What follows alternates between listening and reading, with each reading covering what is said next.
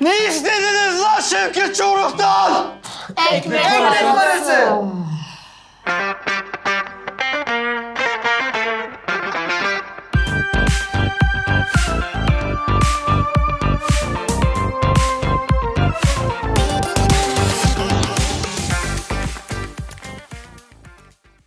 Herkese merhaba arkadaşlar. Ben Mizah Gazetesi'nden Süleyman. Yersiz Sinema'nın bu bölümünde Murat Şeker ve Ali Tanrıverdi'yleyiz. Kendilerini yıllardır e, Çakallara Dans serisinden özellikle tanıyoruz ve takip ediyoruz. Şimdi de N Kuşağı adlı YouTube dizisinin çekimleri bitti ve yayına girmek üzere. Bugün onun hakkında sohbet edeceğiz. Merhaba. Merhaba.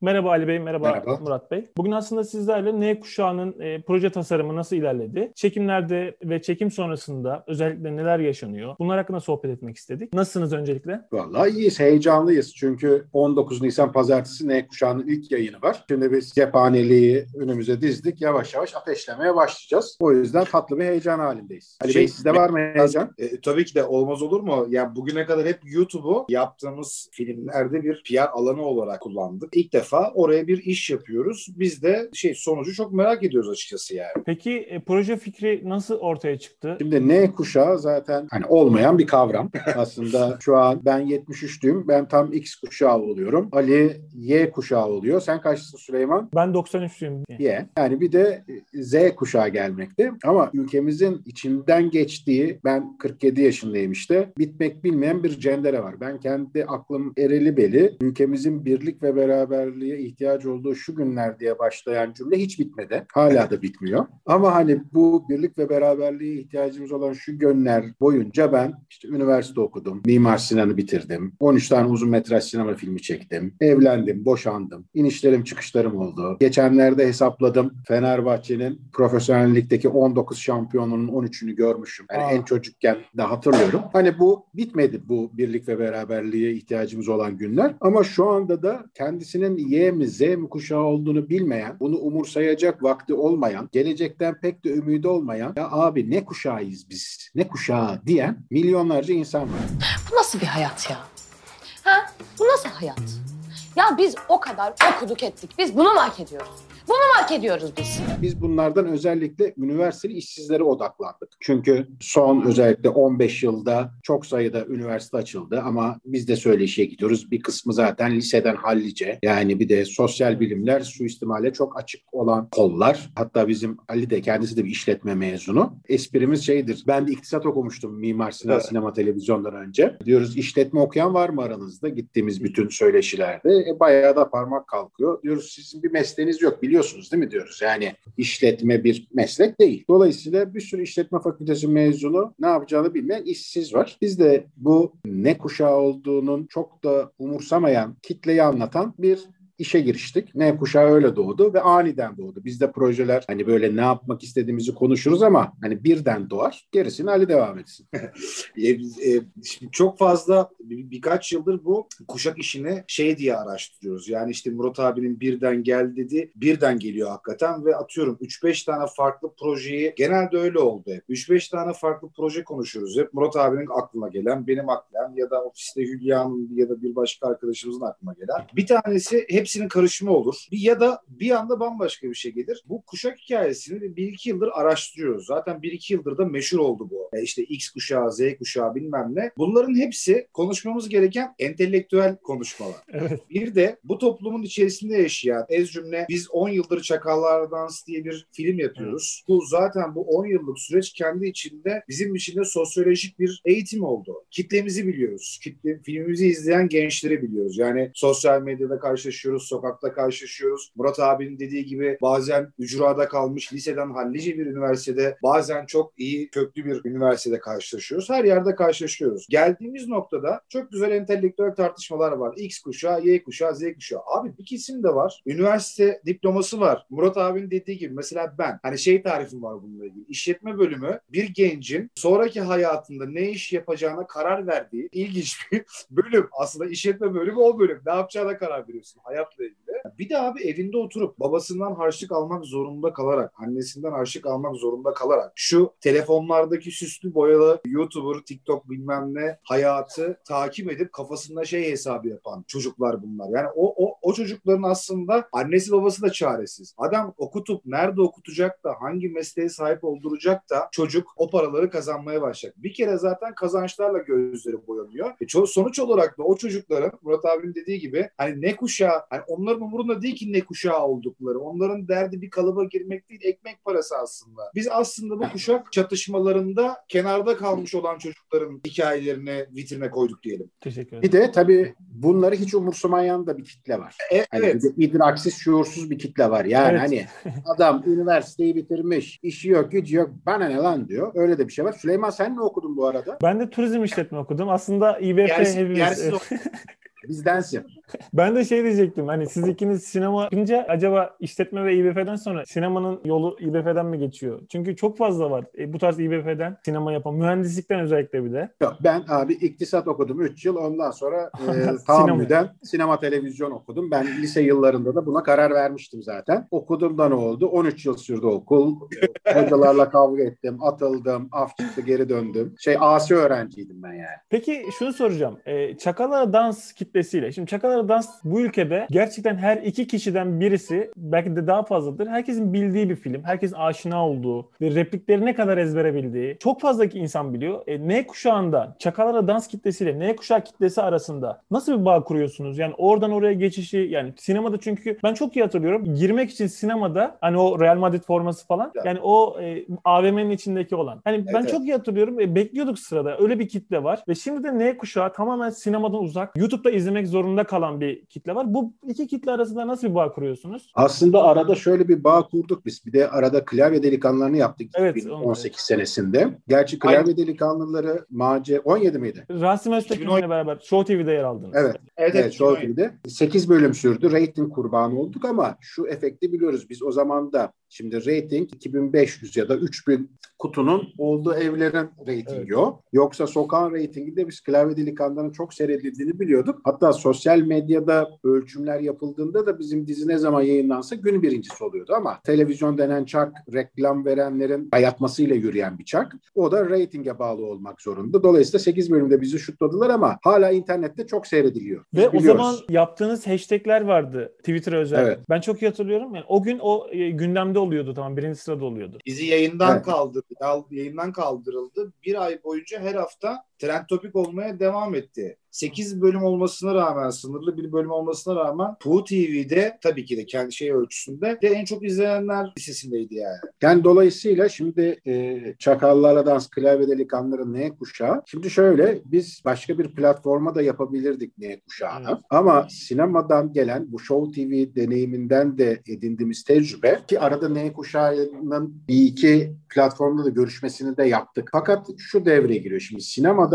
aynı aracısız sinema aracısız bir sanat. Yani filmini çekiyorsun ben yapımcı yönetmenlik yaptığım için diyoruz ki biz bu projeyi yapacağız. Yapıyoruz. Vizyona sokuyoruz. Seyirci de aynı Agora demokrasisindeki gibi beğenenler elini kaldırsın, beğenmeyenler elini kaldırsın. Zaten box office çok şeffaf bir şekilde ortada. Arada ne bir rating firması, ne rating kutusu, ne yönetici var. Tabii ki dağıtımcılar var. Sinema salonu sahipleri var. Bizim de işimizin bir sürü triği, çukuru var. Mayın tarlası gibi ama hani bir 20 milyon kişinin seyredip 3000 kişinin tercihlerine göre belirlenen bir sistem yok. Dolayısıyla platformlarda da bu yöneticiler ki bir kısmı da arkadaşımız bizim çok alışık olmadığımız bir ilişki biçimine itiyor bizi. O yüzden biz YouTube'u tercih ettik ki bu YouTube'u tercih etmek bir yandan maddi anlamda da bir yatırım ve külfet gerektiriyor. Ama Evet. bu bizim alışık olduğumuz bir külfet ve almaya alışık olduğumuz bir risk. Burada tabii ortaklarımız TAF ve Merzigo da bize ve projeye inandılar. Onlar da bize destek verdiler. Çakallarla Dans gibi bir gişe canavarından YouTube'da Evet. ne kuşağına giden süreç bu pandemiyle beraber sinemaların kapalı olması neticesinde aslında bizim mecburiyetten ama şu anda da iyi ki yapmışız dediğimiz bir keyfiyete dönüşen bir proje oldu aslında. Açıkçası biz mesela çok şaşırdık yani YouTube ismini gördüğümüzde. Çünkü isimler olarak da yönetmen isimleri, senarist isimleri olsun, oyuncular dahi çok rahat bir dijital platformda yer alabilecek, çok rahat dijital platformların havada kapabileceği geleceği bir kadro var. E, aslında kadro ile ilgili de bir hem Ali Bey hem size bir soru sormak istiyorum. 10 yıldır siz birliktesiniz ama asıl bu Yok oğlum kadro-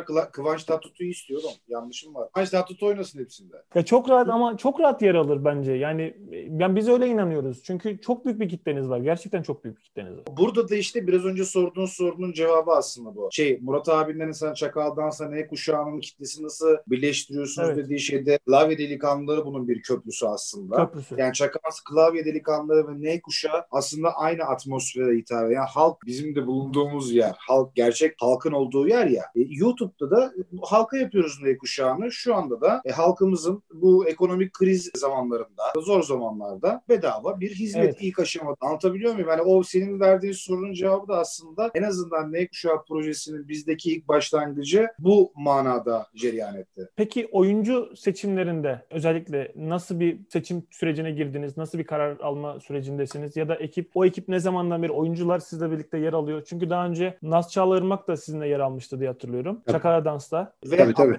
benim bir de yayın henüz e, vizyona girmemiş olan filmimde de Çağla. Evet. AOK'ta değil mi? Evet evet. Evet. Altılı oynuyor. E, bir de e, yani şuna şuna özen gösterdik. Dedik ki şimdi bu N kuşağı özellikle çok ünlü birileri olmamalı. İlk başta dedik ki dört ana karakterin dördü de hiç tanınmayan kişiler olabilir. İlk önce onun üzerine çalıştık. Fakat sonra şöyle bir gerçek var. Şimdi Naz Çağla Irmak kendisi bizim Evet. arkadaşımız, kardeşimiz. Yani şimdi elinde böyle yetenekli bir oyuncu varken ve yaşı da ona uyuyorken tamam hani Çağla'yı da sırf tanınıyor diye devre dışı bırakmak olmadı. Hiçbir el vermedi. Yani çünkü evet yeni yetenekler keşfedelim, yeni bireyler olsun hem bizim hayatımızda hem sanat hayatında. O yüzden bir harmana gittik. Dolayısıyla bir tarafta Alper, Alper Baytekin ve Naz Çağla Irmak gibi ki ikisi de aynı zamanda Das Das'ta beraber sahneye de çıkıyorlar. İki tane de tiyatro oyununda birlikte yer alıyorlar. Dizi geçmişleri olan Alper de bizim Çakallarla Dans 4'te oynamıştı bizde. Ee, Çağla Çakallar 5'te. Ama ikisi beraber sahneye çıkıyor ve kendi içlerinde bir oyun tarzlarının uyumu var. Diğer tarafta da Bora Ecer ve Ezgi Gönültaş gibi hiç kimsenin ismini Evet. daha önce duymadığı iki gücü güzelliği, yeni ismi bir araya getirmek. Yani harman yapmayı tercih ettik ama bayağı bir audition aldık. Yani 250 ki genç üzerinde audition aldık. Öncesinde mesela bir iki şöyle deneyimlerimiz de oldu. Zaten N kuşağı dediğimiz şey daha çok Z kuşağı. Zaten N, Z ters çevirince oluyor. Aynen. Zaten Z kuşağının bireyleriyle de bu vesileyle tanışmış olduk. Mesela bir tanesi biz YouTube yapınca YouTube dizisi yapıyoruz deyince küçümsedi projeyi. Nasıl yani dedi. Ben YouTube'da yer almak istemiyorum dedi. E, tamam kardeşim dedik yani sen Sen Jacoben pro. bir Can, gönlün sağ olsun dedik. Öteki ben dedi sevgilimden ayrıldım. Pek iyi hissetmiyorum kendimi dedi. Eyvallah dedik. canı Yani hiç canın sağ olsun dedik. Yani hiç bugüne dek yani e, profesyonellikten uzaklaşıp şeye geldiğimizde daha İlk amatör diyelim. Yarı amatör. Unuttuğumuz bazı cümleleri de duymuş olduk yani hani hani YouTube'u küçümsemek. Biz bilerek ve isteyerek bunu tercih ediyoruz. Hani bizim geldiğimiz yer ne kendimizi büyük görelim ne de küçük görelim. Yani neticede biz film yaptığımızda o yılın top 10'ine giren filmler yapıyoruz. Yani bu ülkede sinemanın gelişimine katkı sağlayan bir ekibiz. Şimdi de YouTube mecrasında biraz bir şey değiştirelim istiyoruz. Yani sadece hani YouTuber'lar değil de profesyoneller de bir şey yapabilir. Yani neticede gene sınırlı bütçemiz var ama yani hiç bütçemiz de yok değil. Şimdi bel- belki de YouTube'dan başka gelir imkanları ve orada sürdürülebilir bir ekonomi yaratılabilir mi? Onu araştıracağız, göreceğiz. E, bir de şöyle bir şey var. Herkes e, son zamanlarda gerçekten bu Z kuşağıyla dediniz ya. Aslında birazcık da bizim bu 90'lı yıllarda olan arkadaş 90'larda doğanlarla beraber herkes bir ünlü olma, oyunculuk yapma hedefleri var, hayalleri var. Ve son zamanlarda da bu çok fazla. Yani ben liseye giden kimle etrafımda görürsem ya ben oyuncu olacağım diyor ya ben YouTuber olacağım diyor. Oyuncu seçimlerine sıfırdan hiçbir şey bilmese bile yani atıyorum geldi. Bu e, audition'a girdi diyelim. Bunlarda nelere dikkat ediyorsunuz? Bunlar hakkında çok kısa e, bir şey yapabilir miyiz? Yani şöyle ben şunu söyleyeyim. İlk başlarda bunu sistem karlılıkla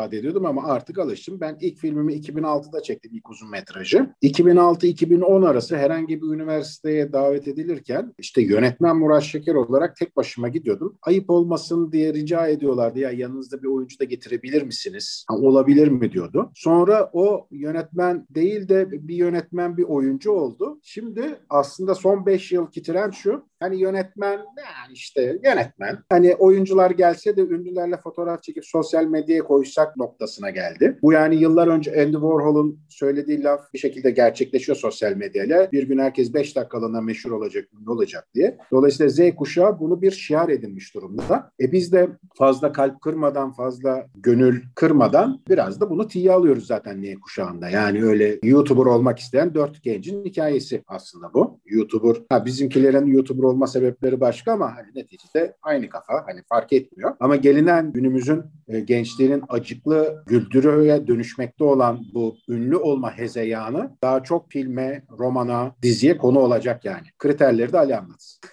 Nelere dikkat ediyoruz? Ben kavramını anlattım. O dışında nelere dikkat ediyoruz? Bir kere yani bizim bu yani Sugarworks firmamızla ilgili audition, herkes audition alıyor. Bir kere biz dizi yapan bir şirket değiliz normalde. Daha çok ekmeği sinemadan kazanan bir şirket olduğumuz için bizim için daha seçilecek oyuncu arkadaşlar bizim için daha nokta atışı olmak zorunda. Butik olarak üretim yaptığımız ve kendi inandığımız hikayeleri anlatma yoluna gittiğimiz için de seçtiğimiz arkadaşlarda aradığımız kriterler tabii ki de meslekle ilgili yeteneğe sahip olmasının dışında gerçekten bir insaniyet arıyoruz her şeyden önce. Yani atıyorum sen de biraz önce mevzuyu açarken şey dedin ya herkes ünlü olmak istiyor. Herkes Evet. YouTuber olmak istiyor. Hani tek bir kriter söyleyeyim bir sürü kriter saymaktansa gerçekten amacı ünlü olmak ve YouTuber olmak olan birisi bize geldiğinde bizim kriterlerimizin gerçekten dışında kalıyor. İsterse ağzıyla kuş tutsun, yani diziden şeyimiz kıçıyla pelikan yakalasın. Asla o başka yerde çok ünlü olabilir ama bizim sularımız içerisinde şey e, kirli e, duracak bir karakter yapısı oluyor. Onun Yani dışındaki- insanlık, yani tabii ki yetenek. Yetenek Ya- ama doğa, doğa, başı yetenek. doğallıktan ve samimiyetten gelen yetenek. Oynayan oyuncu tarzını sevmiyoruz. Biz ne kadar samimi olursa o kadar iyi. Ama beğendiklerimizde bir küçük toplantı yapıyoruz. E orada görüyorsun zaten birkaç dakika içinde bir insanın duygusunu, insaniyetini anlıyorsun. Çünkü biz uzun yol arkadaşlığına inanıyoruz. İşte dün öğrendik bu röportaja gelmeden önce de konuştum Şevket Çoruh canımız kardeşimiz. 11 11 yıldır çalışıyoruz biz onunla. İşte geldi kırmadı. Ne kuşağında da konuk oyunculuk da yaptı bize. Geçmiş olsun dedim ona. İyiymiş bu arada yani hani şey değil sert değil şu an için hastalığı. Şevket abi Ee, kırmızı çizgi. Yani şimdi e, me- mevzuda bu biraz. Bugün seçtiğimiz insanlar da 11 yıl sonra biz bir şey yapıyoruz dediğimizde konuk oyuncu olarak Evet. gelecek mi gelmeyecek mi? Aslında e, Çünkü öyle bir soru değil de şey o da dikkatimizi çekmiş. Hande Katipoğlu, Şevket Çoruh, işte Sarp Bozkurt sayabildikleri Sarp Leventoğlu. Derya Şensoy. Sarp Leventoğlu, Derya Şensoy hep böyle e, gerçekten hani ismiyle bile sadece dikkat çeken kişiler bu projede yer almışlar. Bu bizim çok dikkatimizi çekti. Hem böyle bilinmeyen, hiç daha önce görmediğimiz Bora Ecer ve Ezgi Gönültaş. De çok. Yetenekli falan. Evet abi bu bir bu bir tercih. Bunlar bizim e, hem arkadaşlarımız hem uzun yol iş ortaklarımız. Biz öyle bakıyoruz. E, uygun karakterler ve uygun isimler olduğunda ki ikinci sezonunu da yapacağız biz şimdi 10 bölüm çektik. İkinci bir 10 bölümde gelecek. Yani bir Evet. aksilik olmazsa zaten 20 bölüm YouTube'da biz sürdürmeyi planlıyoruz işi. İkinci 10 bölüm için de sürprizler var. Yeni başka isimler de olacak. Hani dediğin gibi Allah Allah bu da nasıl bu bu dizide nasıl yer alıyor dedirtecek cinsten.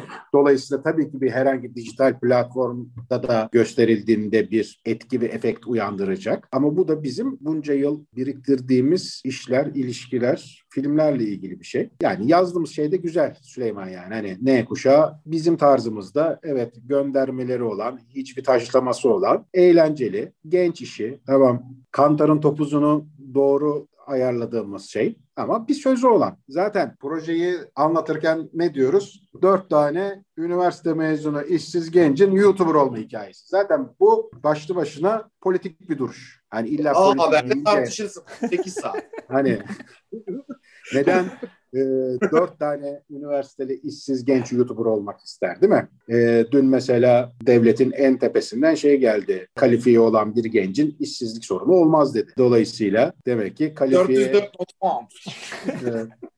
Demek ki kalifikasyonla ilgili bir sorun var Türkiye'de. Yani Yes. ikinci 10 bölümde mesela bunu irdeleyebiliriz. Ya tam mesela bir şey tutturduk diyoruz. Bir şey oldu diyoruz. Ben kendimden örnek vereyim. Ali Bey'le de daha önce konuşmuştuk. Belki hatırlar. Ben Biletin Al diye bir şirket var. E, Sinema. Evet. biletleriniz- Oğlum ezbere biliyoruz biz hepsini. Ee, şey Süleyman lütfen Türkiye'deki bütün sinemalar hangisi ne kadar iş yapar? Hangi seansta ne kadar? Lütfen. Ben biletini ederim, alın. biletini al. e, birkaç ay önceye kadar yaklaşık bir yıldır sinema ve e, tiyatro içerik editörüydüm oranın. O gördüğünüz sitelerdeki ya da e, sosyal medyalarındaki tüm içerikleri üreten ekibin içindeydim. Şimdi mesela 9 kişiydik biz e, pazarlama ekibi olarak. 9'umuz da yani şu an işsiz kaldı. Yani, yani başka bir şey tabii ki de hani bir şekilde biz yani içerik ürettiğimiz için, bir şey yaptığımız için bir şekilde biz yolumuzu bulabiliyoruz ama o sektörün içinde, sinemanın içinde şu an benim yaşlarda kaç tane arkadaşım orada tanıştığım hepsi işsiz kaldı ve aylardır işsiz, gerçekten işsiz. Deniyor ya biraz önce dediğiniz kalifiye eleman gibi şeyler ama bunlar çok havada kalıyor ve anlamsız kalıyor. E, yaşayan biliyor diyeyim. Yani. E tabii abi yani bu hepimiz için geçerli. Kendi aramızda şeyi de konuşuyoruz. Lan diyorum iyi ki şu an 20'li yaşlarında değilim yani iyi kötü. Yani şu an tam layıkıyla yapamasak da bir mesleğimiz var. Hani bir şeyler yapabildik. Gayet Ha iyi. ama ilk konuşmanın röportajın başında dedim yani ben kendimi bildim bileli bu ülkenin birlik ve beraberliğe ihtiyacı olduğumuz şu günler kalıbı var. Yani o değişmiyor. Hep bir şey var. Şimdiki o bu küresel bir durum olduğu için çok sıra dışı. Yani ancak bu İkinci Dünya Savaşı'ndan beri ilk kez olan bir şey yaşanıyor. Dolayısıyla bir sıkıntı olacak. Ha biz de burada mizahın o sihirli değneğini dokunduruyoruz aslında biraz. Hepimiz daralıyoruz. Ben de daralıyorum. Yani ben kendi adıma inanılmaz daralmış durumdayım. Yani ev, ofis ben yerinde duramayan bir adam. İşte sen de takip ediyorum dedin sosyal medyadan. Yani yurt dışında festivallere gideriz, gezmeye gideriz. Fenerbahçe ile ben basket takımıyla maçlara giderim. Yani illa böyle her hafta gitmiyorsun da yılda 2-3 kere bile gidecek olsan o takvimi alıp ha, ona göre ekonomini ayarlayıp diyorsun ki ben Şubat'ta takımla beraber Milano'ya giderim. İşte Mayıs'ta zaten Final Four var. Ona biletlerimizi alalım, paramızı ayarlayalım. Abi şimdi Kadıköy'de Boğa'ya mı gidelim? Oradan sahile mi insek? Hani gibi gibi E, sinemalar kapalı. İşte amacı olmayan grup AOG filmi çektik. Ali'nin ilk yönetmenliğiydi. Evet. Bir yıldır film elimizde duruyor ki biz geçen Eylül çektik. Yatırımımızı bir buçuk yıl önce yaptık. Dolayısıyla şemsiyeler rengarenk ama mücadeleye devam ediyoruz. İkinize de bir soru sorabilir miyim? Son sorum. Ee, öncelikle yani aslında soru iki parçadan oluşuyor diyeyim de. Bu iş iki sezon boyunca evet bir, belli bir izlenme seviyesine ulaştı ve başka bir dijital platform geldi. Biz de yayınlayabilir miyiz gibi bir şey söylediğinde. Ha, o zaman o zaman karar vereceğiz. Yani Evet. dediğim gibi bizim birinci hedefimiz YouTube'da bir yeni ekonomi oluşturabilir miyiz? Hı hı. Ee, yani sadece tabii ki YouTube gelirleriyle olacak bir yapı değil bu ama belki sponsorluk gelirleriyle olur olmaz. Ama biz yapmaktan bu işi yapmaktan keyif alıyoruz. Bizim için bir şekilde sürdürebilmek esas olacaktır daha sonra ve bir dijital platform gelip bizim bu sürdürebilirliğimiz için gerekli finansman koşullarını oluşturursa ortaklarımızla da konuşur. Öyle de bir şey yapabiliriz. Ama bizim dediğim gibi YouTube'u seçmekteki temel nedenimiz biz aracısız iş üretme, proje üretme konusunda çok refleksimiz o yönde geliştiği için yani gidip ben işte ne kuşağın ikinci bölüm senaryosunu da görebilir miyiz diyen birisiyle çalışamam yani. Anlatabiliyor muyum? Anladım. Abi neyine göre hani bir, biz bir şey yapacağız dediğimizde hani bu kendini büyüklemek değil bunu izleyen Anladım arkadaşlar için de ilham verici olsun. Hayatta eğer bir şey yapıyorsanız yaptıklarınız zaten yapacaklarınız için referans oluşturuyor. Bunun başka türlü oluyor olması şey değil profesyoneller için konuşuyorum. Bir işi şevkle yapan insanlar için. O yüzden biz ikinci bölüm senaryosunu yazmak yerine dizi yapmayı tercih ettik.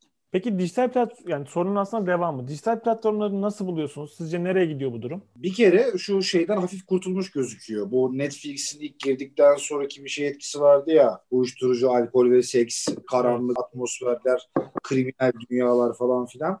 Hala refleksimiz o yönde ilerliyor da bu ondan biraz kurtulmuş durumda. Eksen şeyde, eksen üretimine devam ediyor. Ne olacak hani bilmiyorum ama en azından eksen en şeyi de deneyen. İşte İbrahim'in işi başladı. İşte onu da başarılar e, diliyoruz. Feyyaz'ın işi vardı gibi. Yani Evet. nitekim yine eksende mizahla ilgili işler var. Blue TV bence çok ayakları yere basarak gidiyor. Hani üretimini arttırdı. Netflix bence bütün bunlardan sonra üretim çeşitliliğini ve paletini arttıracaktır diye e, düşünüyorum. Ben eğer şimdi bu sinemayı öldürme operasyonu değilse eğer bütün bunların hepsi bizi özellikle Netflix'in, Blue TV de bence öyle olacak. Şimdi bir yeni ortak geldi biliyorsun. Evet, Ee, bizim gibi üreticilerin şeyini aşmasını sağlıyor bence. Yani dünya ile buluşmasını birazcık daha yaklaştırdığı kesin. Ama işte orada da neye karşıyız biz? Biraz da bu ne kuşağını YouTube'a yapmamızın altındaki sebep abi Türkiye bu. Bu bizim ülkemizde her yerde her şekilde tekelcilikler oluyor. Senin adamcım benim adamcım gibi muhabbetler oluyor ya. Eğer bunlardan sıyrılırsa ben ucunun çok açık olduğunu ve güzel yere gideceğini e, düşünüyorum. Ama halen halen bence asıl platformlardan beklediğim çünkü sinema filmi diyoruz ya sinemalar kapalı Evet. şu an. Dedi Murat abi biraz önce? Sözü olan film yapmak. Yani ne kuşağı? Üniversiteli, işsiz, Evet. dört gencin YouTuber olma serüveni. Kendi içine bir tartışma konusu. Hala içi dolu, zamana dayanıklı içerik, içerik yapma konusunda sıkıntılı olduğunu düşünüyorum dijital platformların. Eğer o eşikte geçilirse bence daha kıymetli olacaktır. Son cümlede istedikleri kadar yayılsın dijital platformlar. YouTube, o Disney'de gelecek şimdi. Evet. Amazon'da gidiyor. Sinemalar tam e, teşekkürlü açıldıktan sonra sinemaların zamanla ben e, eski ritmine kavuşacağını düşünüyorum. Çünkü dijital platformlar yalnızken tercih edilen şeyler. E, sinema toplu yapılan bir aktivite hali. İkisi birbirinden çok ayrı. O yüzden teşekkür ediyorum sana da bize söz hakkı verdiğin için. Ben de e, Süleyman birkaç cümleyle söyleyeyim düşüncelerimi. Yani dijital platformlar şimdi Netflix de Amerikan tarzı liberal demokrasi uzantıları üzerinde bir şekilde politically correct özellikle kadın LGBT bireyler konularını merkeze alarak bir yandan da 120 yıllık sinema tarihi ve 70-80 yıllık televizyon tarihinde ihmal edilmiş karakterlere fokuslanarak yeni bir anlatım öyküsü yaz, yazıyor. Aslında temel Netflix'in politikasını böyle konumlandırabiliriz. Bu da tüm dünyada belli bir izleyici için önemli bir gelişme kabul görüyor. Kal- Kaldı ki Türkiye'deki Rütük'le de zaten özellikle bir içeriğin yap- yapım aşamasındaki Türk içeriğin eşcinsel bir birey e, odaklı olması yüzünden bir sıkıntı yaşanmıştı. O noktada Netflix bir politik duruş sergiliyor. Bizde açılan diğer platformlar henüz bir illa dediğim gibi politik kelimesi bizde çok kirletildiği için hani politikayı hani İngilizcesi policy, policy biraz daha aforizması, maksadı. Yani henüz maksatlı değil bizdeki platformlar. Bir söylemi yok. E, çerçevesi oluşturulmamış. Blue TV sessiz ve derinden daha başka bir yola gidiyor. Eksen Acun Ilıcalı'nın geleneksel entertainment anlayışıyla donanmış bir yapı. Ama orada da zaten televizyon kanalının uzantısıyla yani YouTube bir televizyon kanalı gibi bir algı oldu. Aslında bunların hepsi bir arayış. Bu arayışlar uzun zaman zarfında e, pozitif noktalanabilir. Ama Ali'nin de dediği gibi sinemanın bireyselliği yani yönetmen ve yapımcıların bireyselliği total bir politika gerektirmiyor sinemanın doğasından kaynaklanan bir bireyselliği var. Yani en e, popüler gişe filminde bile yönetmenin yapımcısının bakış açısını taşıyıp sadece o filmi bağlayan ve yapım şirketinin genel olarak bir e, yapım anlayışı felsefesi olabilir ama filme özel filme ele aldığı yapının bir bireyselliği var. Şimdi platformların öyle olamama durumu var. Yani zaten öyle de olmamaları gerekiyor. Yoksa Netflix'le Eksen ya da Blue TV ile yayındaki içeriklerin ayrımını biz neye göre yapacağız? Yani bir Netflix'te izlediğimiz projenin bize ne verebileceğini aşağı yukarı biliyor olmamız lazım. En azından Netflix'in ki şu an dünyadaki en hakim platform olduğu için tavrı net. Diyor Evet, ki bir ben tavır eksikliği var doğru. e, bir tavrı var. Bunu seversin, sevmezsin, eleştirsin, eleştirmezsin. Kofti bulursun, bulmazsın. Benim mesela oradaki en büyük eleştiri asla Şampen'in başrolünde oynadığım Harvey Milk'in hayatını anlatan Milk Aynen. proje imza atmadı. Yani Aynen. e, bir sürü baskılanmış LGBT birey var ama Evet. asla bir Milk gibi aktivist, e, politik bir karakterin filmi yok. Ama mesela Chicago mahkemesi neydi? Chicago yedilisini seyrettim. Mesela o çok Yani- hoşuma gitti. Hani fi- filmler var. Var ama yani bir şeyler. Dolayısıyla Türkiye'deki platformların bu zihniyet ve konuyu ele alış biçiminde topa girmeleri, risk almaları lazım. Bu zaman içinde olacak. Sinemanın da ölümsüzlüğünü sağlayan şey proje bazında bile olsa yönetmen ve yapımcı dönem dönem riskler alır. Bir tavır sergiler ve o seyirciyi şaşırtır. Ve Ali'nin de dediği gibi tüketim biçimi birisi evde yalnız en fazla aileyle öteki yüzlerce kişiyle arasında olduğu için ikisinin duygusu farklı. Bu aynı şey. İşte Fenerbahçe örnek vermeden konuya giremiyoruz.